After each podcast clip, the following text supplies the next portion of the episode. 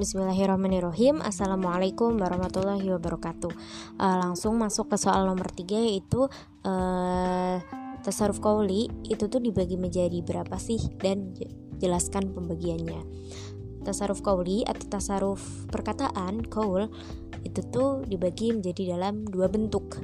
Yang pertama Tasaruf kauli akdi. Tasaruf kauli akdi adalah sesuatu yang dibentuk dari dua ucapan dua pihak yang saling bertalian, dua pihak yang saling berikatan, yaitu dengan mengucapkan ijab dan kobul. Pada bentuk ini, ijab dan kobul yang dilakukan para pihak ini disebut dengan akad yang kemudian akan melahirkan suatu perikatan di antara mereka. Nah, sedangkan yang kedua itu adalah tasaruf kauli ghairu akdi.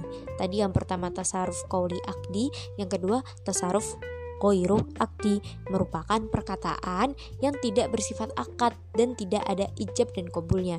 Tadi kan yang tasaruf kauli akdi itu tasaruf yang memperlukan ijab dan kobul. Sedangkan yang tasaruf koli ghairu akdi dia tidak perlu ada ijab kobul, tidak perlu adanya akad, tidak bersifat akad seperti itu. Sekian jawaban nomor 3 dari saya.